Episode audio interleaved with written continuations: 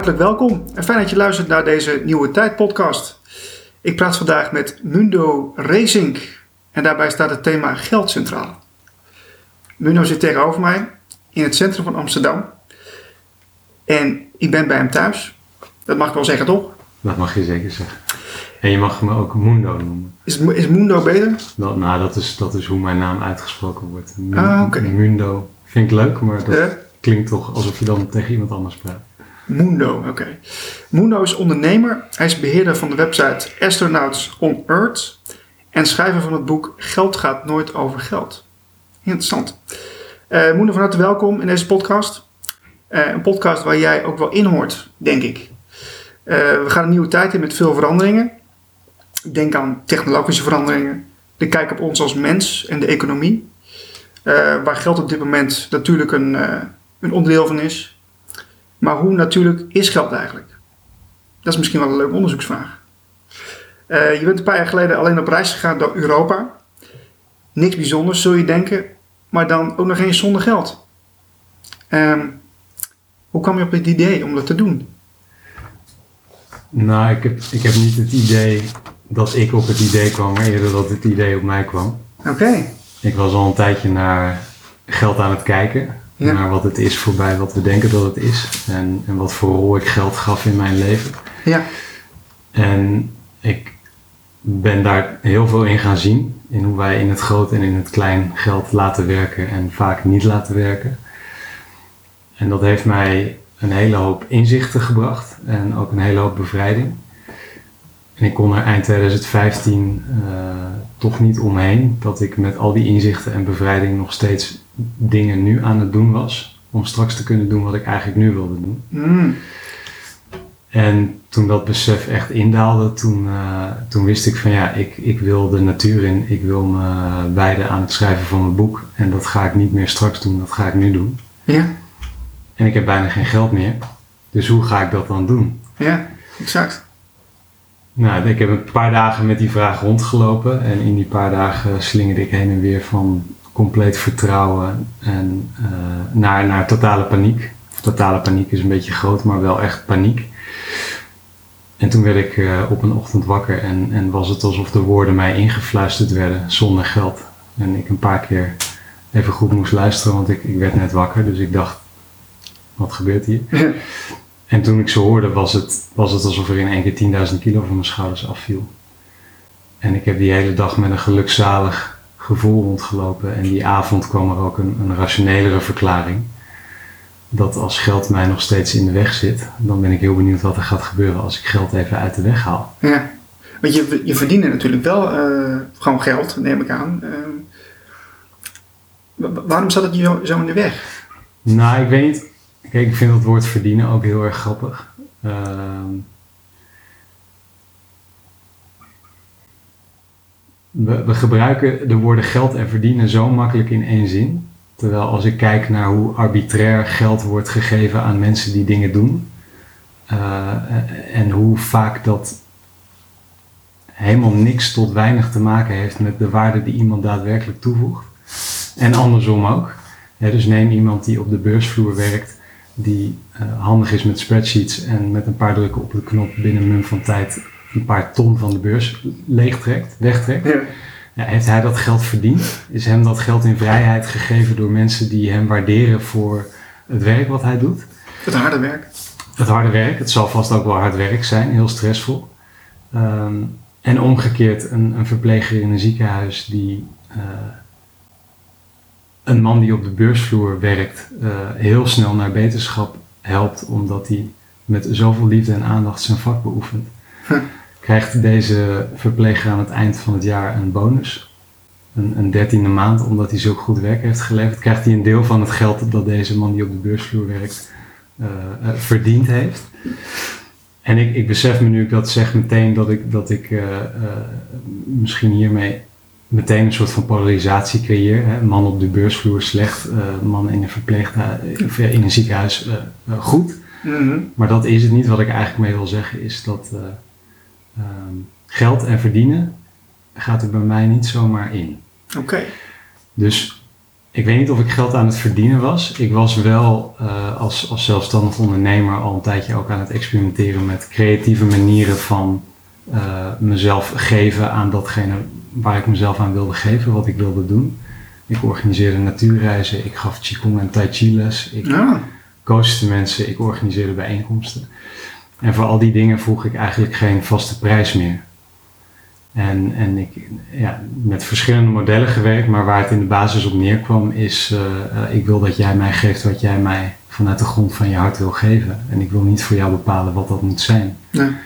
En als ik dat ga doen en als ik dat ook als een muur tussen jou en mij inzet, uh, dan, dan is geld geen mogelijkheid meer, maar een, een, een vast gegeven wat voor een aantal mensen misschien wel mogelijkheid betekent, maar voor een hele hoop andere mensen misschien een beperking of een onmogelijkheid. Ja.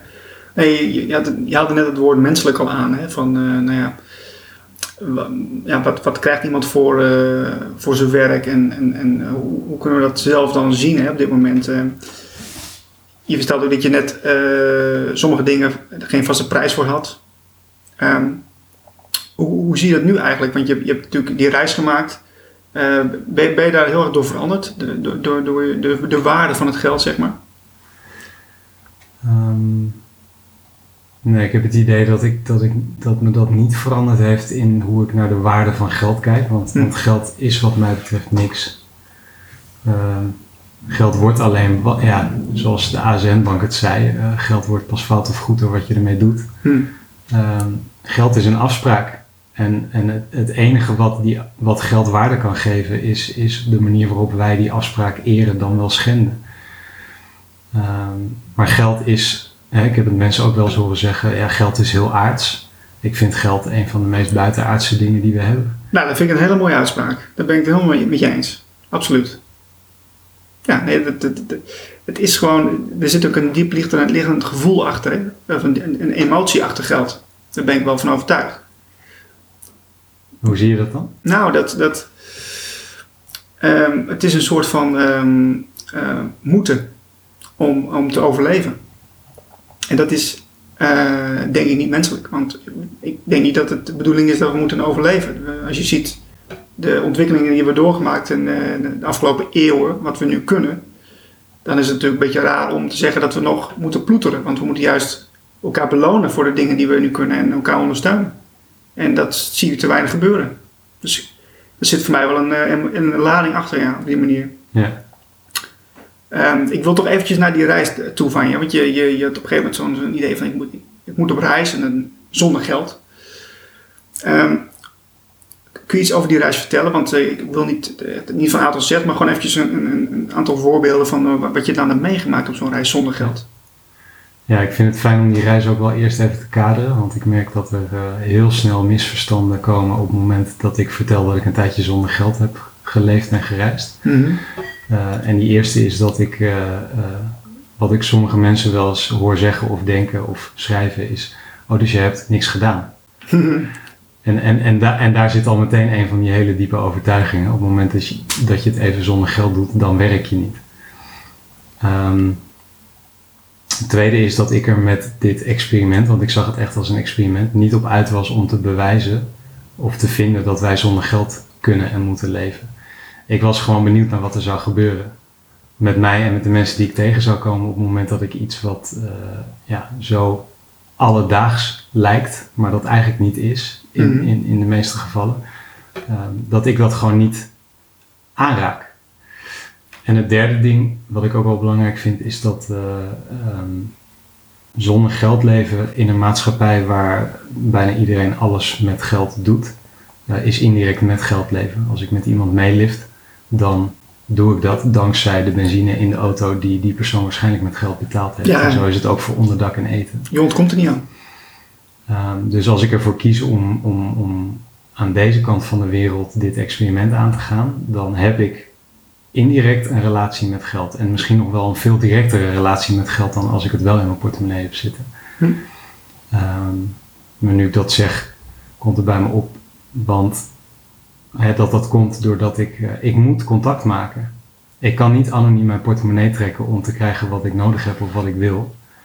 eh, dat zit er gewoon niet in. Als ik, als ik iets nodig heb of als ik iets wil, dan moet ik iemand aanspreken. Dan moet ik ergens naartoe gaan of, of, of fruit uit de natuur gaan plukken. Maar ik moet Ja, ergens ja. contact mee maken. Dus dat om, om dat even te kaderen. Eh, ik kan het nu allemaal heel makkelijk zeggen, maar dit zijn ook wel dingen die ik ontdekt heb in die reis. Dus hè, ik vond, vond het fantastisch dat ik zonder geld ging eh, reizen. En, en, en toen had ik toch ook wel even andere mensen nodig die tegen me zeiden van ja, maar Mundo, eh, zonder geld is toch ook wel echt met geld. En dat ik echt zoiets had van, oh ja, ja dat, dat had ik zelf ook wel kunnen zien aankomen. Ja. Ehm, maar je, je wil graag wat, wat, wat ervaringen. Ja, de, de- Horen. de- kun, je, kun je een eh, leuke ervaring eh, be- ja, benoemen die, die eh, de reis al tekent? Ja, nou, ik, ik denk dat ik het dan leuk vind om meteen niet de, de, de ervaringen die ik al vaker genoemd heb, maar eentje die er nu opkomt is vrij in het begin was ik op, op Schiphol. En Ik was net teruggekomen van, van nog een week eh, die ik geboekt had voordat ik dit experiment aanging. Dus ik was een week in het buitenland en ik kwam terug op Schiphol en ik vond dat echt super spannend, want ik wist dus van oké, ik ga dus nu van Schiphol naar Amsterdam en ehm, Ja, ik heb geen geld op zak. Hoe ga ik dat doen? ja succes. Ja, ja dus, en ik weet, ik weet nog dat ik, dat ik in het vliegtuig al een beetje zo met die mensen naast mij een gesprek aan het aanknopen was. Niet omdat ik nou oprecht in ze geïnteresseerd was, maar eigenlijk omdat ik hoopte dat ik hun de vraag zou kunnen stellen of dat zij mij zouden aanbieden, oh je, je kan wel met ons mee. Oeh. En ik merkte dus al meteen dat ik, dat ik in een, eh, ja, mezelf in een, heel, een hele ongemakkelijke plek bracht. Heel, heel onecht. hè. Ik, ik was geen contact aan het maken. Ik, ik was mensen aan het aanspreken omdat ik hoopte Ja. iets van ze te krijgen. Je moest wat van ze, ja. Ja. ja. ja, Dus dat, eh, dat heb ik ook niet doorgezet. Ik heb ook niet rechtstreeks de vraag. Ik heb ze wel verteld over mijn experiment. In de hoop dat zij dan zouden zeggen van nou weet je, oh eh, gaaf dat je dat doet. Nou wij eh, sponsoren je treinkaartje wel. Nou, gebeurde niet. Ehm, dus ik liep met dat ongemakkelijke gevoel naar, naar, naar Schiphol Plaza, de plek waar dan ook de kaartautomaten staan. En ik stond daar gewoon een beetje zo te kijken. En er zijn natuurlijk legio manieren. hè. Ik kan vragen aan een taxichauffeur of die mij wil meenemen. Ik kan gaan liften. Ja, ja, Alleen Schiphol, veiligheid, angst. Weet je. Ik, ik had wel het gevoel van nee, als ik daar buiten ga staan met mijn duim omhoog, dan, eh, dat gaat niet worden. dat Nee. gaat hem niet worden, denk ik. Ik denk, denk dat niemand deze man wil meenemen. Ehm, en ik keek zo rond en ik zag een paar mensen bij die kaartenautomaat staan. En eh, nou, ik begon dus op ze af te lopen. En eh, een aantal mensen van wie mijn hoofd dan dacht van, oh, die zien er wel vriendelijk uit. Die eh, zeiden of meteen nee, of die liepen weg zonder iets te zeggen. Of die keken me echt aan van, wat vraag jij me nou? Hm. En op een gegeven moment keek ik een zwarte man. Keek ik naar een zwarte man. En toen betrapte ik mezelf erop dat ik dacht, die gaat dat nooit doen. Oh, En dat, en dat vond ik al heel bijzonder. ja. En toen ben ik toch naar hem toe gelopen, want toen wist ik van ja, dan ga ik dus nu naar hem toe lopen. En ik vroeg het hem en hij, eh, hij zei meteen van oh ja, is goed. Maar dat was dus wel een, een vooroordeel. Van ik ga Ja. niet naar het, van hem, Ja. ga ik het niet krijgen. Ja. ja. Ja. Goh. Dus dat eh, even in, in één klein tijdsbestek van, van drie kwartier, gewoon meteen al een hele hoop overtuigingen en, en ook onecht gedrag. Ja. Eh, ehm, wat mensen vaak zeggen, eh, onecht gedrag dat geld creëert, maar geld doet dat helemaal niet. Wij doen dat in onze relatie tot geld en vaak Mhm. op hele onbewuste manieren. Dus voor mij was dit experiment in eerste instantie heel erg confronterend. ja. En zou het ook niet zo kunnen zijn dat we dat al van heel jongs af aan al meekrijgen? Dat we af en toe een beetje onecht moeten zijn om, eh, om dingen voor elkaar te krijgen? Ja, als je braaf bent, dan krijg je snoep en als Ja. niet, dan krijg je op je flikker. Ja, precies. Ja, dus het is eigenlijk een, ja, een helemaal ingesleten patroon eh, ja, toch in, in deze westerse maatschappij. Voor heel veel mensen. Ja, Ja, ja, en zo ook voor mij. ja. Ja. Ik ben ook wel benieuwd trouwens eh, naar het vrije gevoel. Heb je, heb je, ook, ja, je, hebt, je hebt natuurlijk ook veel momenten gehad dat je, dat je je echt vrij voelde. Dat je dus, dus dat, dat, zo stel ik me dat voor. Hè? Je, hebt, je hebt niet nergens meer vaste lasten. Je bent overal van losgekomen. En dat je dan zo'n echte, echte vrijheid ervaart. Of is dit te romantisch ook dit, dit voorstel? Nee, ik heb die momenten wel zeker ervaren. Ja. En eh, de eerste keer dat ik, dat ik dat gevoel in ieder geval besefte als zodanig was toen ik net, eh, ik denk een paar weken in Schotland was. En ik was bij, bij een vrouw eh, aan de westkust op een eiland. die daar een, een, gemeenschap wilde beginnen. En ik had van tevoren al contact met haar gehad via een vriend. Dus dat was eigenlijk nog een redelijk veilige route. Ik ging bij haar verblijven en ik ging daar ook werken op het land en, en meehelpen met dingen repareren aan het huis en zo. Ja. En dat ik na een paar weken besefte van wauw, er zijn zoveel dingen waar ik nu gewoon niet meer aan hoef te denken. Ehm, ik heb geen huur, ik heb geen telefoonabonnement, ik heb geen zorgverzekering, hm. wat ik echt heel spannend vond. Uh, maar die hoeft dus ook niet betaald te worden. Ehm, en dat, dat creëerde een hoop ruimte. Dat was een heel bevrijdend besef en ik merkte ook dat ik daarmee gewoon meer in het moment was. Tegelijkertijd uh, maakte die ruimte ook dat ik een hele hoop dingen in mezelf tegenkwam die ik daarvoor redelijk vakkundig, bewust dan wel onbewust uit de weg kon gaan. Mm. Dus je had het net over de dingen die van jongs af aan ingesleten zijn. Ik, ik, uh, ja, ik werd gewoon nog wel even wat harder met mijn neus op bepaalde patronen, overtuigingen, diepzittende pijn, angst, die ik al heel lang bij me droeg, gedrukt. En ik had niet zoveel om me daarvan af te leiden. Nee. Was het een soort uh, wakker worden? Ja, ja, hoewel dat, dat, dat wakker worden, dat, dat kent in mijn ervaring vele gradaties en dat houdt niet op. Nee. Dus ja, ik heb wel in mijn leven ervaren dat het een soort van bewust startmoment is, maar toen ik daar later op terug ging kijken, toen besefte ik ook van ja, nee, maar ik heb die momenten ook daarvoor al gehad. Ja. Alleen ik ben ze vanaf dat moment pas gaan labelen als wakker worden of bewust worden. Ja. Maar dat is, ja, dat is. Ik heb, ben toen wel, ik moet nu aan denken, in Schotland uh, bij een retraitecentrum waar ik vrijwilligerswerk heb gedaan, kwam ik een, een spreuk tegen die ik heel mooi vond. Dat er wel een soort van punt is waarop je door een bepaalde deur loopt. En als je door die deur heen bent, dan kan je nooit meer terug naar wat dan in, in die Engelse taal de lowlands of complacency werd genoemd. Wat ik vrij zou vertalen als uh, ja, soort van de de half bewuste, niet echt levende plek van ja, het is wel oké. Mhm. ja, en en dat, dat heb ik wel ervaren. Dat, dat, dat, dat, dat lukte mij gewoon op een gegeven moment niet meer. Wat niet betekende dat ik er niet inviel, maar ik kon daar niet meer comfortabel verblijven. Nee. Maar kan ik stellen dat je een wat completer mens bent geworden na die ervaring? Na welke ervaring? Na de reis. Uh, ja, ja, dat kan. dat is een mooie, mooie omschrijving misschien wel. Ja.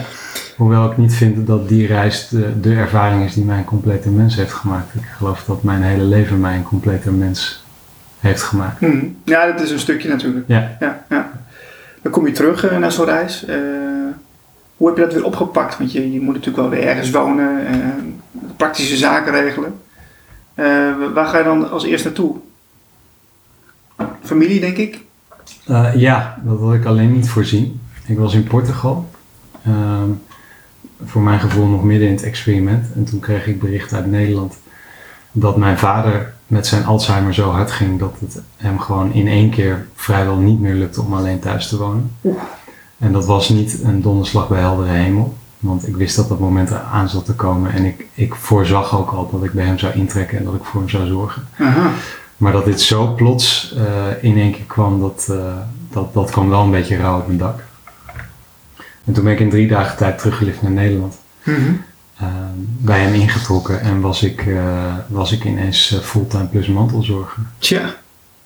Even, even weer back naar reality of zo, zeg maar. Weer, weer voet aan de grond en of hoe moet ik dat zien? Dat, dat is ongeveer een klap, denk ik. Nou ja, op een bepaalde manier wel, maar, maar ja, het was, het was ook ik heb toen wel, toen ik net terug was, wel echt momenten gehad van... Jezus man, heb ik alles opzij gezet en dan zit ik nu weer hierin. En ik voel echt totaal geen ruimte voor wie ik ben en wat ik wil en allemaal dat soort dingen. Ja.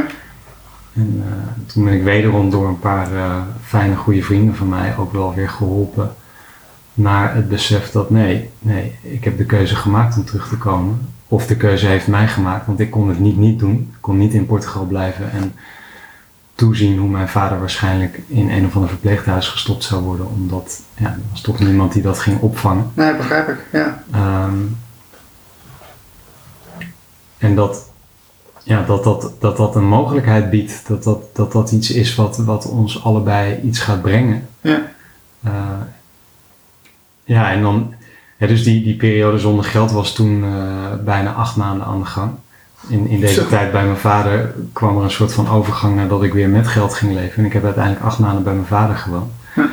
Nou ja, die ervaring heeft mij en mijn vader ook een completer mens gemaakt. Dus Mooi. ja, ge- Ja. Geld, geld was een kapstok voor iets of een ingang naar iets. En, en deze periode samen met mijn vader was, was ja, even goed een hele krachtige ingang naar een, naar een complete ervaring van leven. Ja. En dan kom je weer terug. ehm, want, want, want je moet op een gegeven moment moet je wel weer in een maatschappij mee natuurlijk. Dus, dus hoe, hoe heb je dat dan weer opgepakt met, met, eh, met geld? Want je moet het dan weer dingen afsluiten, contractjes afsluiten, eh, verzekeringetjes. Hoe, hoe kun je dat bewust, hoe kun je dat zo bewust mogelijk doen in jouw optiek? Nou, ik ben wel benieuwd wat jij bedoelt als je zegt op een gegeven moment moet je toch wel weer mee Ja. in de maatschappij. Ja, nou ja, goed.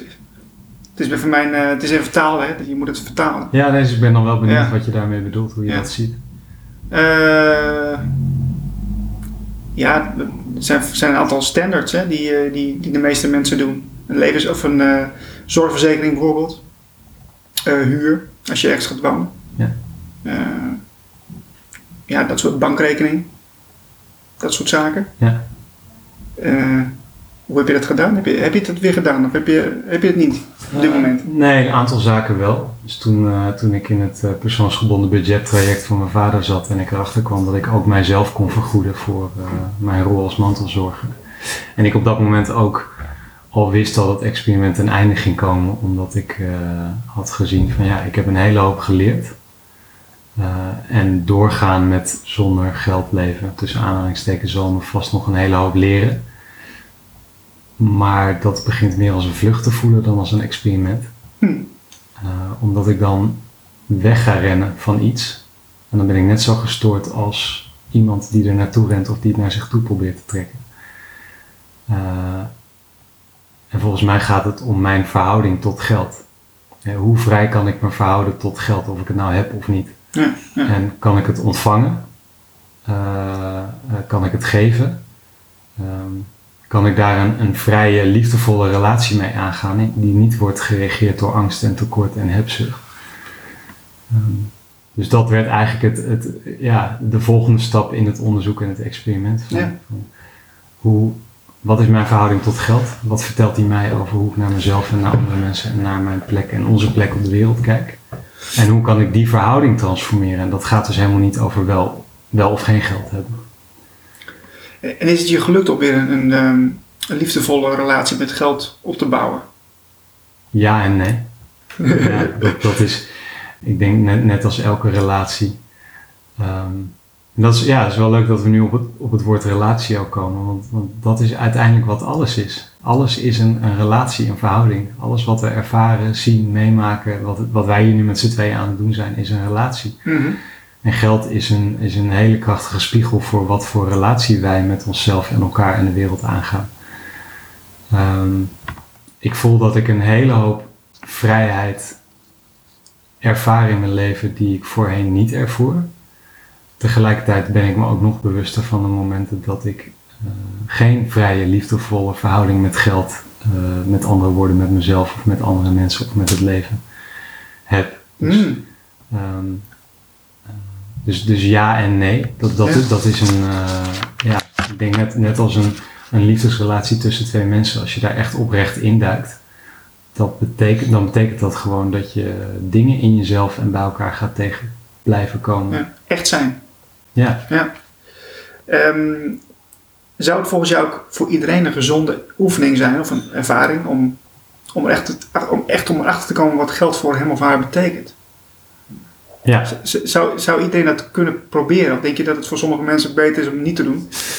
Ik weet niet of het voor iedereen weggelegd is om het te doen. Ik vind ook niet dat iedereen het zou moeten doen. Maar ik geloof wel dat het voor iedereen heel gezond is om eens een keertje iets waarvan je denkt dat je het echt nodig hebt. Een week, twee weken, een maand, een half jaar even helemaal los te laten. Ja. En ik heb dat op andere vlakken ook eh, ervaren in mijn leven door te stoppen met televisie kijken. Door geen nieuws meer te volgen. Eh, door mijn Spotify-account op te zeggen. Eh, eh, ik zie, ja, ik zie Ja, ja, ja, ja, Spotify, ik, ja, Spotify heb ik nog wel, vind ik leuk, maar eh, zoals tv, ik kijk amper nog. Eh, het nieuws volg ik wel. Ik vind, Sommige columns vind ik wel leuk om te lezen, maar ik weet dat, ja, ik, ik, kijk er toch anders naar, omdat ik weet dat heel veel dingen zo gekleurd zijn, eh, waar het vandaan komt en dat je dat dan nog allemaal zo moet aannemen, weet je wel. Dus dat, dat, dat, bewustzijn is er wel. Ehm, ja, mensen zeggen, som, soms zeggen mensen wel eens tegen mij van ja, maar moeder, je moet toch weten wat er in de wereld gebeurt. En ik heb het idee dat ik veel beter zie wat er in de wereld gebeurt sinds ik gestopt ben met nieuws volgen dan daarvoor. Ja, nee, juist misschien omdat je een stapje terug doet. Naar? Nou, naar de, de schijnbare echte wereld. Als je die dan, uh, hm. als je wat, wat beter beschouwt. Ja. Uh, misschien door meer de rust te nemen, door, door wat, uh, omdat je dus overal los staat, kun je er ook anders naar kijken. Want dan zie je het niet helemaal met je hand in. Nou, en ik ben mijn ervaring van, van het leven en van de wereld meer gaan baseren op mijn ervaring met het leven en de wereld en niet op wat andere kanalen mij vertellen. Nou is, hè, ook als ik, als ik naar deze boom kijk, die, eh, ja, mijn, mijn waarneming wordt ook vaak ergens doorgekleurd. Ik, hmm. ik ben niet zo verlicht dat ik 24 uur per dag uh, vanuit totaal eenheidsbewustzijn naar alles, alles in de wereld nee, nee, nee, nee, Maar ik, ik, ik, wat ik wel merk, en ik, ik heb daar wel een leuk voorbeeld van. Ik had altijd ruzie met taxichauffeurs. Elke dag.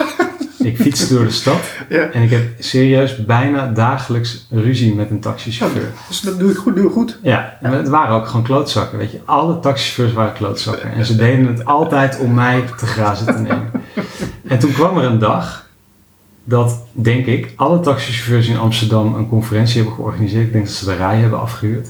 En dat ze gewoon hebben afgesproken, jongens, vanaf vandaag gaan we ophouden met Moenda te treiten. En sindsdien heb ik nooit meer ruzie gehad met een taxichauffeur. Zo. Laat dat moment nou heel toevallig samenvallen met het moment waarop ik uh, uh, besloot van ik moet echt even eerlijk naar mezelf gaan kijken, want wat, wat ik hier aan het doen ben. Mm. Laat het moment nou ook niet helemaal, maar wel min of meer samenvallen met de periode waarin ik gewoon volledig gestopt ben met het nieuws volgen. Ja. Het nieuws dat zeker in Amsterdam toch ook wel vaak werd gekleurd door berichtgeving over taxis en taxichauffeurs. Um, ja, nou dat zoiets uh, sterkt mij wel heel erg in, uh, uh, ja, wij creëren de wereld die we zien. En als wij de wereld zien zoals die ons wordt voorgeschoteld door het nieuws, dan versterken wij de wereld die ons wordt voorgeschoteld door het nieuws. Um, en ik krijg nu vaak te horen van mensen van, jeetje, wat heb jij een open blik. Wat, wat, ik loop een winkel binnen en ik heb een glimlach en dan zegt iemand daar van, wow, wat, wat, niet, niet dat, dat dat nou de hele tijd gebeurt. Hè? Mm-hmm. Want ik zeg het ook wel tegen andere mensen. Maar... Ik wil net tegen je zeggen trouwens, maar laat maar zitten. dat doen we niet. Leuk. Een open blik. Nou, ik merk wel um, in contact met jou dat je... Ja, ik, ja, weet je, ik ga niet, niet gelijk over energieën praten of zo. Niet dat ik daar verstand van heb, maar je voelt wel... Hele... Ik denk dat je daar wel verstand van hebt. Ja, maar daar ga ik niet over praten. Maar ik denk wel, uh, ik voel tenminste een hele uh, openheid bij jou van, uh, om, met iemand, om met iemand in gesprek te gaan je voelt je, met sommige mensen voel je je een beetje geremd, weet je wel. En dan maak je voor deze contact niet van, nou, misschien moet ik maar nu maar even, even rustig zijn of niet te veel zeggen. Maar ja, ik voel altijd een soort van openheid. Tenminste, dat heb ik gemerkt vandaag. Hm. Was heel, heel plezierig. Ja. Ja, nou, iets gelijks. Ja, hartstikke fijn. Ik wil even door over je boek. Ja. Um, ik, wil, ik wil nog wel even één ding zeggen over die openheid. Ja. Um, daarin heb ik dus ook wel eens gedacht van, oké, okay, nu ben ik er. Uh, ja, nu ben ik een open, vrij mens en dan kom ik in een liefdesrelatie terecht. Uh, met Ilse, met wie ik op dit moment samen ben, bijvoorbeeld. Ja. En, uh, ja, en, dan, en, dan, en dan zijn er toch ook wel weer wat momenten dat ik dat helemaal niet ben. En dat ik mezelf vaak na afloop pas in, in bepaalde hele verkrampte, dichte patronen zie vallen. Mm -hmm. dus, dus ook hier is het, is het weer ja en nee. Dus ja en ik ben volgens mij veel opener geworden in mijn gedrag, in mijn houding, in mijn blik, in mijn contact met mensen. Mhm. En uh, ik zie nog ja, confronterender waar ik dat niet ben. Of waar ik, uh, ja. Nou, heel goed dat je daar je bewust van bent. Denk ik. Ja, dat, is, dat, is, dat, is, uh, dat, dat geeft me kracht en dat kan ook een valkuil zijn. Ja, mooi. Ik wil toch even naar je boek, want ik ben eigenlijk wel benieuwd hoe ver je daarmee bent. Want het gaat ook over het thema geld. En ik denk ook dat uh, verhalen van je reis erin zitten. Kun je kort samenvatten welke boodschap je er eigenlijk mee wil afgeven met het boek? Ja, ik, denk de belangrijkste gewoon visie die ik wil delen. Wat, wat ik door dit alles heen uh, ben gaan zien, is dat de, de mooiere wereld waar wij uiteindelijk allemaal het liefste in willen leven, waarvan ik geloof dat we allemaal het liefste in willen leven, um, dat die begint vanaf het moment dat wij bereid worden om eerlijk naar onszelf, onze overtuigingen, naar onze blik uh, op de wereld te kijken. Um, ik denk, ik, denk, ik denk dat we dan een deur doorgaan die soort van onomkeerbaar wordt. Of waarvan het in ieder geval heel moeilijk wordt om er weer door terug te lopen en hem dicht te doen en te doen alsof je er nooit doorheen gelopen bent. Ja, ja. Uh, want dan ga, dat is in ieder geval mijn ervaring. Uh, ik ben vanaf dat moment vanzelf de dingen en de mensen tegen gaan komen uh, die mijn, ja, ik zal toch wel gaande bevrijding um, versneld hebben of geopend hebben of in gang hebben gezet. Ja, ja het, is, het, is, het is heel mooi dat je dat zo ziet. En ik ga, ik ga toch de keerzijde even laten zien. Want komen we nu bij de, we komen nu bij de gemene vraag die ik had voorgesteld. Want ik vind, het, ik vind het een hele mooie inzicht. Ik denk dat je daar een, een groot publiek mee kunt bereiken. En dat het ook echt bij kan dragen aan, aan de kijk hoe wij met, met geld omgaan. Ons gedrag, ons menselijk gedrag. Maar stel nou dat je een alleenstaande vrouw hebt die in de bijstand zit en die luistert naar deze podcast. Wat heeft hij daaraan? Ja, het eerste wat er bij me opkomt, dat, dat is dat dat, dat aan, haar, aan haar is. In hoeverre wat, wat wij nu met elkaar bespreken haar raakt in haar leven. Mm -hmm. um, de, de, zeg maar de,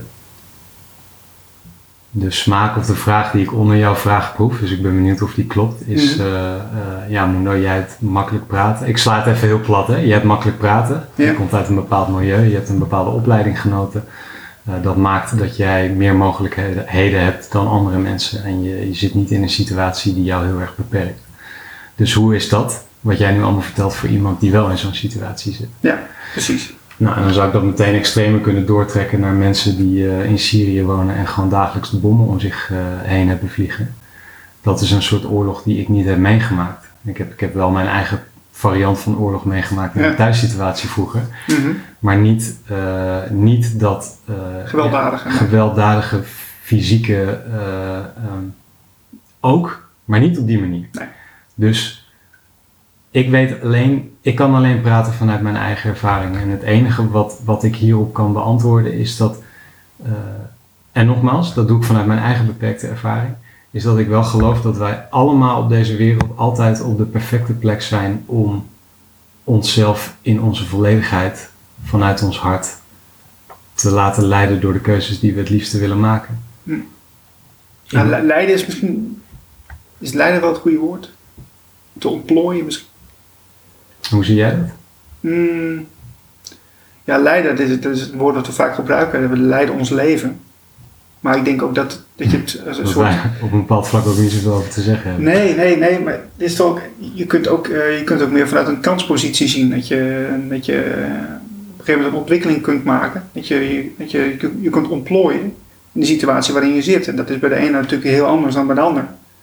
Maar het is een situatie. Uh, Snap, ja. je, snap wat ik bedoel? Ja, ja, ja. Ik, ik ben alleen wel van mening dat uh, de situatie aan zich nooit jouw mogelijkheden bepaalt. Dus ik heb, ik heb, ik weet bijvoorbeeld Victor Frankl, een, een man die tijdens de Tweede Wereldoorlog uh, in een concentratiekamp heeft gezeten en er later over geschreven heeft. Ja. die heeft daar momenten van totale gelukzaligheid meegemaakt. Je, je zit in de grootste hel die je je maar kan voorstellen en je, en je maakt momenten van gelukzaligheid mee. Ja. Een vrouw in, uh, um, nou, ik ben in Rwanda, die tijdens de genocide daar, ik denk volgens mij twee maanden opgesloten heeft gezeten met een aantal andere, aantal andere mensen in een badkamer. Pff, bijna dagelijks vreesde voor haar eigen leven. Uh, daar gewoon door alle angsten heen gezakt is en, en, en, en de schoonheid van het leven voelde, ervoer, zag en daar verlicht uitgekomen is. Dus ja, en nogmaals, ik weet dat ik op een, bepaalde, op een bepaald vlak makkelijk praten heb, maar ja, zou dat dan betekenen dat ik uh, die dingen dan maar niet moet doen, omdat mensen het ergens anders misschien moeilijk hebben? ik denk dat ook die mensen, dus ook misschien de vrouw over wie het net die, die in de bijstand zit, ik denk dat Mm. zij het uiteindelijk het meest gebaat is bij dat ik mezelf de ruimte geef om te ontdekken waar dit leven nou echt over gaat. Hm. En, en, en dat, dat is een, een, ja, een ander spoor van het boek, van wat ik ben gaan zien. Ik geloof dat wij het grootste geschenk voor onszelf en voor de wereld worden op het moment dat wij onszelf aan, ja, ik noem het maar de natuurlijke stroom durven overgeven. Moet ik dat een beetje zien als een soort eh, dobbelsteen effect? Dat je, of hoe zeg je dat, domino effect? Dat je, dat je elkaar kunt inspireren? Dat je, dat je ziet van, ik zie bij jou een openheid en een vrijheid. En hoe doe je dat? Dat, dat ik op die manier van jou kan eh, leren, zeg maar. Ja, en dat kan, dat kan in hele kleine dingen zitten. Dus mensen die de wereld een mooiere plek willen maken, en dat heb ik bij mezelf ook ervaren, die kunnen zichzelf verliezen in eh, de grotere thema's. Ja. Ja, ik heb geen tijd om deze vrouwen te helpen met straat oversteken, want ik moet nu naar kantoor, want ik ben bezig met de wereld te redden. Ja, Eh, en het, het kan in die hele kleine dingen zitten. En ik, ik merk dat hoe meer ik eh, eh, eh, ja, in het vertrouwen zit, dat waar ik nu ben helemaal goed is. En ehm, ehm, ja, dat ik, dat, ik, dat ik gewoon elke dag weer mag kijken van waar, waar, waar beweegt het nu naartoe of waar word ik nu naartoe bewogen. Ja. En dat ik daarnaar durf te luisteren in plaats van de afspraken die ik met mezelf of met andere mensen heb gemaakt oké. waarin ik ook weer zou kunnen doorslaan. Hè? Ehm, Dus je, je durft nou ook veel meer te vertrouwen op je intuïtie, op je, je, je, het gevoelsleven. Ja, ja en, en niet, niet noodloos vast te houden aan een plan dat ik bedacht heb op het moment dat blijkt dat dat plan eigenlijk helemaal niet zo handig is met wat er onderweg aan het gebeuren is. Zou, zou dat een, een, een basis kunnen zijn in de toekomst voor een nieuwe economie? Dat je op gevoelsleven dingen doet? Eh, of of ga ik nu te, ben ik nu te futuristisch? En wat zou, wat zou voor jou dan eh, dingen op je gevoelsleven doen zijn? Mm, ehm, nou, dat je, dat je zelf meer het, het heft in eigen handen kunt nemen met, met bepaalde keuzes. Dat je, dat je vrij bent in je keuzes. Dat je niet, niet, niet meer eh, werken moet, maar dat je, dat je een keuze hebt. En dat je, dat je dan creativiteit kunt laten spreken in plaats van je, ja, je, je vasthoudende stramien waar je in zit. Dus echt creativiteit bovenal. Ik denk, ja, zo grappig. Ik heb laatst ook eh, met iemand gesproken. Die zit helemaal heel erg in de robotica. En die, eh, ja, die, is ook be- bezig met hersenonderzoek, die man. En die vertelde ook dat eh, als we straks in een nieuwe tijd zitten, over een jaar of twintig, dat ja, de, de robots, de artificial intelligence, die, die overtreffen ons vooral op het linker gedeelte van onze hersenhelft. Ja, dat is de logica. Eh, de rechterkant is, meer, is grofweg is, is meer gebaseerd op creativiteit. Dat hebben ze niet, maar dat heeft de mens wel. Snap je? En als, als we dat meer Vind, vind ik ook een leuke aanname. ja, als, als we dat een beetje meer kunnen laten floreren, onze creativiteit, eh, wat we bezitten, wat, wat, wat heel wonderlijk is. Wat, wat, wat geen enkel ander heeft op dit moment, eh, tenminste niet zover ik weet op deze aarde. Jouw creativiteit, Ja, jouw ja. eigen specifieke Ja, precies, dat is heel eigen en dat is anders dan hoe dat bij jou werkt. Ja. Misschien dat we daar eens naar moeten kijken in de toekomst. Ja, nou ja, ik, ik, ik zou dat zien als, eh, als eh, onze essentie die, eh, die door ons heen naar buiten komt. Dus ik denk, ja, het is jouw creativiteit en tegelijkertijd is die ook niet van jou. Eh, want net als het, het, leven en de zon en de aarde waar we op lopen, is, is denk ik ook dat jou ergens gegeven. Ehm, en daarmee merk, maak ik, merk ik dat ik onbedoeld een link maak naar wat je net vertelde over die nieuwe economie. Ik geloof dat een, de economie, de werkelijke economie, gaat over de dingen die we in liefde voor onszelf en elkaar, met respect voor onszelf en elkaar en de aarde doen. En daar kan je geen prijskaartje aan ophangen. Hm. Dus ik vraag me af in hoeverre wij het straks nog nodig hebben om een meetinstrument te hanteren dat ons gaat vertellen hoeveel onze inzet waard is. Eh, en, en, en waardoor wij ons vaak, wat nu vaak gebeurt, laten vertellen wat onze mogelijkheden dan wel beperkingen zijn. En ik vind het ook wel interessant wat je net vertelde over die robotica. Ik, eh, ik merk dat ik, dat ik ik, ik, ik, ik kijk daar eigenlijk niet zo naar. Ik, ik hoor daar natuurlijk wel wat dingen over. Hè. Eh, alles wordt straks overgenomen door robots en eigenlijk we hoeven straks niet zoveel meer te doen. maar dat zeiden we 150 jaar geleden ook al. En we werken ons nog steeds de pleur is. Ja, ja. Ehm, ik heb het idee dat het vooral gaat over dat we eh, het contact met onszelf herstellen, waar we dat zijn kwijtgeraakt. En dat is een vallend en opstaand iets wat volgens mij nooit eindigt. Uh, en dat contact kun je weer kwijtraken en dat kun je weer herstellen. Dat kun je weer kwijtraken, kun je weer herstellen. En ik denk dat je gaandeweg dat, dat dat contact meer een soort van stabiele factor wordt in je leven. En waar je dan misschien eerst er alleen maar van weg bent, doordat je alsmaar aan het jakkeren bent, alsmaar bezig bent met ik moet nu vandaag werken zodat ik morgen de huur kan betalen, zodat ik volgende maand weer kan doorwerken. Ja, met volgende target. Dingen doen die ik eigenlijk niet wil doen. Ja. Ehm, dat je veel meer rust in jezelf ervaart om te kijken van ja, maar wat is er nou daadwerkelijk waardevol? Ja. Ehm, en ik geloof niet dat dat gaat gebeuren doordat robots het werk van ons overnemen. Ik geloof dat dat eerder gaat gebeuren doordat wij uh, weer gaan ervaren dat wij op een, op een planeet leven die vol met leven is. En dat wij dat contact met dat leven gaan ervaren. Voor mij betekent dat onder andere dat ik meer contact heb met waar mijn voedsel vandaan komt. Dat ik met mensen op een stukje uh, grond samenleef waar wij samen dat stukje aarde beheren. Um, uh, dingen met elkaar doen en voor elkaar doen die we uh, nu voor het grootste deel, zeker in stedelijke omgevingen, allemaal voor onszelf de hele tijd aan het oplossen zijn. Mhm. En alleen maar kunnen denken, denken te kunnen oplossen op het moment dat we ervoor kunnen betalen. Ja, dus mensen die kinderen krijgen.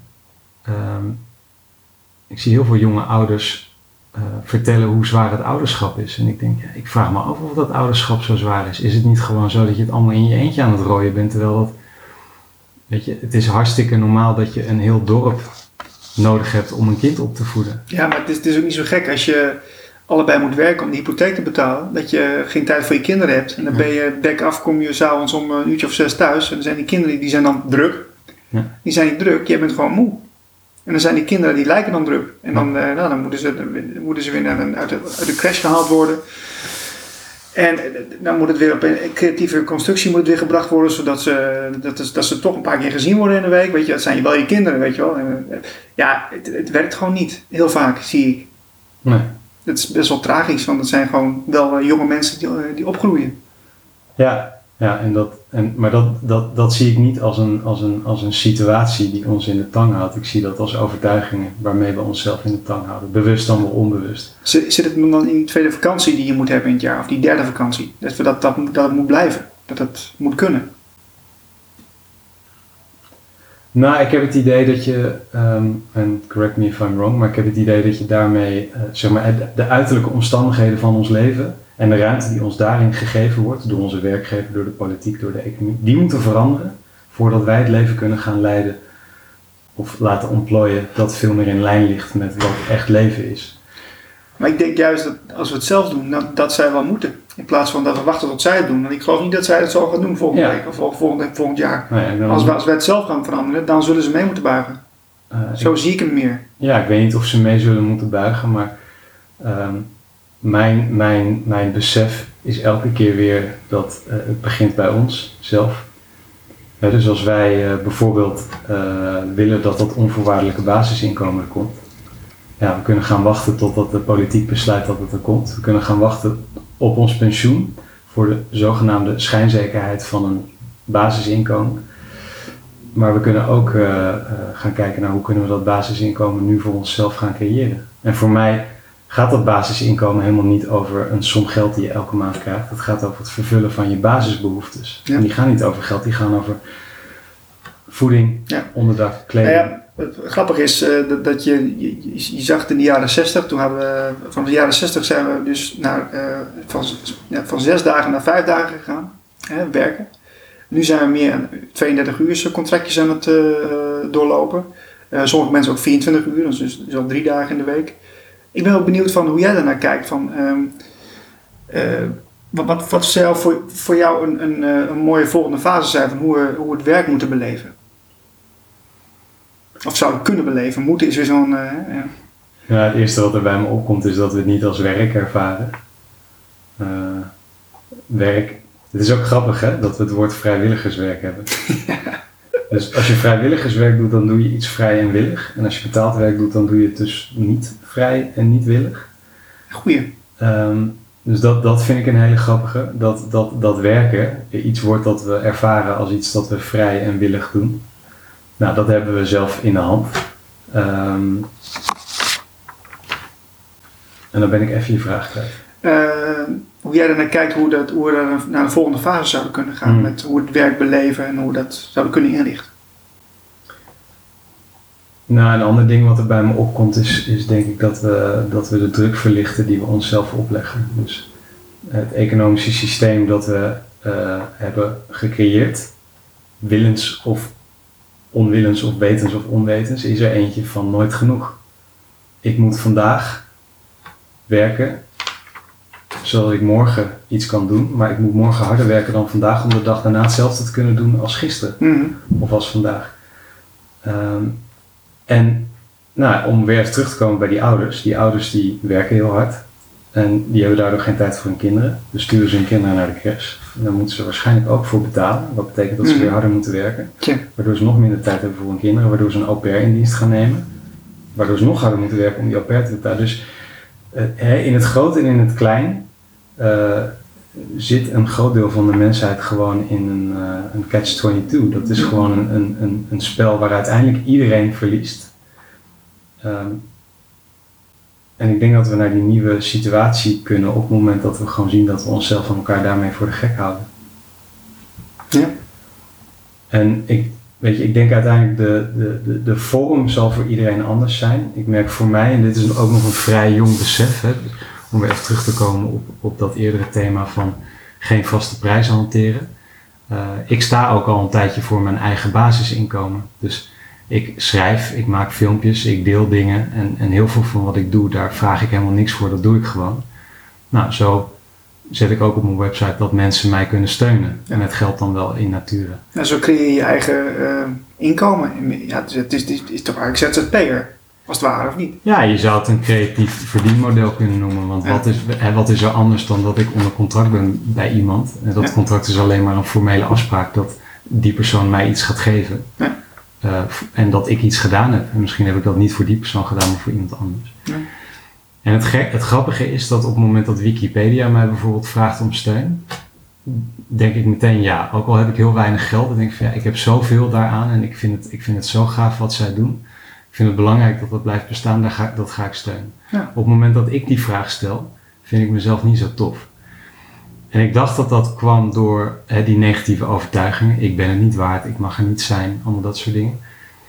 Maar ik, ik begon op een gegeven moment te beseffen, en dat heb ik dus weer dankzij een aantal mensen in mijn omgeving die er niet voor schromen om mij gewoon eerlijk te vertellen wat ze bij me zien. Ehm, dat ik ehm, eh, in het gaan staan voor mijn eigen basisinkomen vergat dat dat basisinkomen niet alleen over mij gaat, maar dat het ook over jou gaat en dat het over iedereen gaat. Dat iedereen het recht heeft om in vrijheid op deze aarde rond te lopen en op zijn of haar eigen beste manier eh, in, in levensonderhoud te voorzien. Ehm, dus als ik achterover ga zitten en ga zeggen van ja, laat mij lekker schrijven en filmpjes maken, zorgen jullie maar voor mijn kleding en mijn eten en mijn onderdak. Ja. Eh, dan, dan, ja, dan laat ik toch ook een stuk verantwoordelijkheid liggen. Dus ik zie voor mezelf, ben ik gaan zien dat dit echt ook gaat over, eh, ja, oké, waar gaat het basisinkomen over? Hoe kan ik nu een stukje van die basis creëren? Voor mezelf en daarmee meteen ook voor andere mensen. Nou, en dat betekent recentelijk dat ik eh, bij Idefix, een initiatief waar ik al een tijd bij betrokken ben, Mhm. waar slapende ideeën worden wakker gemaakt. Wat een plek is waar mensen geholpen worden om in beweging te komen met wat ze het allerliefste doen. Ja. Waar een groot deel van mijn hart in zit, waar, waar, waar ik nu ook in het team zit. Eh, waar ook een koffiebar is. Eh, en nu sinds kort ook ontbijt wordt geserveerd. Eh, omdat ik dat nu vijf ochtenden per week doe. Gaaf. En en, en dat, dat, ik merk dat sinds ik daarmee bezig ben, dat ik voel dat er iets geklikt is wat ik nog miste. Hm. Want ik had het net ook al over dat verlangen van mij om meer in gemeenschap te leven en in verbinding met de natuur. Dat betekent dat ik, ik wil een deel van mijn tijd wijden aan dat letterlijke contact met de aarde. Ehm, en dat doe ik Ja. nu ook al door met voeding bezig te zijn. Maar mag, mag ik hem even samenvatten? Eh, je, je vertelde eh, net van, ik, ik, ik zorg voor mijn eigen inkomen. Eh, je doet de dingen die je leuk vindt. Dus dat is, in, voor mij is het 1 en 1 is 2, is het ook je vrijheid. Die je eigenlijk eh, eh, daarmee, ja hoe zou ik het zeggen, hebt verkregen. De dingen die je leuk, leuk vindt, die doe je. Je verdient er zelfs geld mee. En, en, het, en het brengt je wat. Ja, ja, alleen eh, geld verdienen. Ehm, ik denk dat ik de afgelopen tien jaar gemiddeld gezien onder bijstandsniveau heb geleefd. Dus in hoeverre dat waar is, dat weet ik niet. Hm. Ehm, dus ik zou zeggen ja. En tegelijkertijd heeft het in mijn geval ook wel eh, heel veel te maken gehad met gewoon dat durven te gaan doen. Zonder enkele garantie of zekerheid dat ik daarmee op financieel vlak in mijn levensonderhoud ga voorzien. En durven vertrouwen dat datgene wat ik nodig heb er is en komt. En dat als het er niet is en er niet komt, dat ik het dan waarschijnlijk ook niet nodig heb. Mooi. Je, je vertelt mooie dingen, Mundo. Nou, dankjewel. Je Absoluut. stelt leuke vragen. Nou, ik, gezien de tijd moet je toch eh, zeggen dat eh, we er zo mee gaan stoppen. Ehm, wanneer komt je boek uit? Wanneer het af is. Mhm. Ja, ik ben nu bezig met een redactieslag. Ehm, ik voel dat ik het nu richting voltooiing wil gaan brengen. En dat ik eh, structurele aanwezigheid van een redacteur en, en, en een groepje meelezers nodig heb om dat te doen. Ehm, ik voel dat er heel veel nog gaat gebeuren in 2018. Of het boek dan ook daadwerkelijk fysiek verschenen is, dat weet ik niet. Maar het, het komt sowieso. Gaaf. Nou, we houden de luisteraars op de hoogte. En eh, vooral op de website uh, blikopdemaatschappij.nl. En ik wil heel erg danken voor dit gesprek. Jij ook Niels, ik vond het heel leuk. Voor meer informatie en podcasts ga je naar de website blikopdemaatschappij.nl